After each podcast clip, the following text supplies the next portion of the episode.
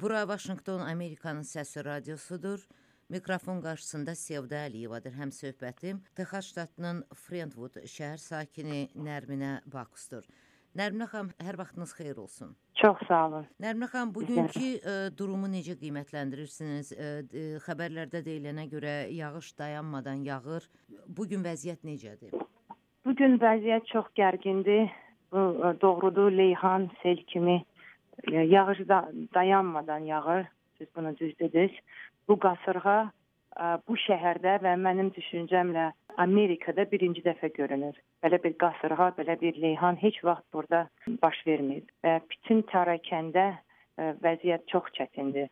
Xüsusi olaraq bizim evimizdə vəziyyət o qədər də gərgin deyil. Yəni bizim suyumuz var, bizim işığımız var, internetimiz var, telefon da işləyir, amma çoxların evlərində, çoxların həyatlarında belə yox.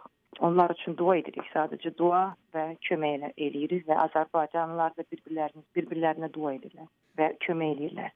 Nərminə xanım, ümumiyyətlə təşkilatlandırma, ə, xilas əməliyyatları, yardım ə, əməliyyatları qane edicidirmi? Bəli, mən deyə bilərəm ki, bəli. Mən özüm biraz heyran mat qalıram. Həm adi insanlar, həm də ə, ə, xilaskarlar və ə, bəli, yəni ki, dövlətdən ə, biz ə, dəstəyi görürük sözsüz ki, amma insanların çoxluğuna görə onlar da çatdırmırlar. Bunu da deyə bilərəm. Amma ki mən hər gün həm bizim məhəlləmizdə, həm də ə, xəbərlərdə görürəm ki, insanlara yardım olur. Sözsüz ki. Bu yardımlar nədən ibarətdir? Nə kimi yardımlar alırsınız? Ə, Mən bunu dəqiq deyə bilmərəm, məni çox bağışlayın. Çünki mən ə, düz məlumat vermək istəyirəm və 100% onu bilmirəm. Amma deyə bilərəm ki, həm bizimkilər Azərbaycan diasporlarda olan insanlar, həm də ə, qonşular, həm də ə, Houston şəhərindən və ə, Houston bölgələrdən, Texas ştatından bizə kömək gəlir. Amma onların adlarını bağışlayın, rəsmi olaraq mən deyə bilmərəm. Bu daşqınların vurduğu ziyan ABŞ dolları ilə 10 milyardlarla ölçülür. Siz ə, bərpa işləri nə qədər tez gözlənilir? İnsanları evlərinin təmiri ə, və yaxud ə, maşınlarının bərpası, geri qaytarılması, ödənişi kimi proseslər sizcə nə qədər sürə bilər? Çox yaxşı sualdır. Minnətdaram bu suala görə.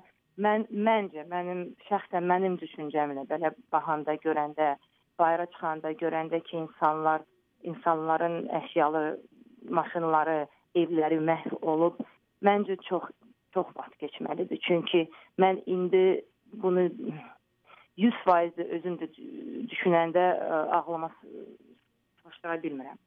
Amma mən belə görürəm ki, buna çox vaxt lazım olar. Bəli. İndi hər halda şəhərdə necə deyərlər, həyat dayanmış olmalıdır. Məktəblər, universitetlər, iş yerləri ə, orada vəziyyət necədir? Bilirsiniz necə, ə, hər yer bağlıdır.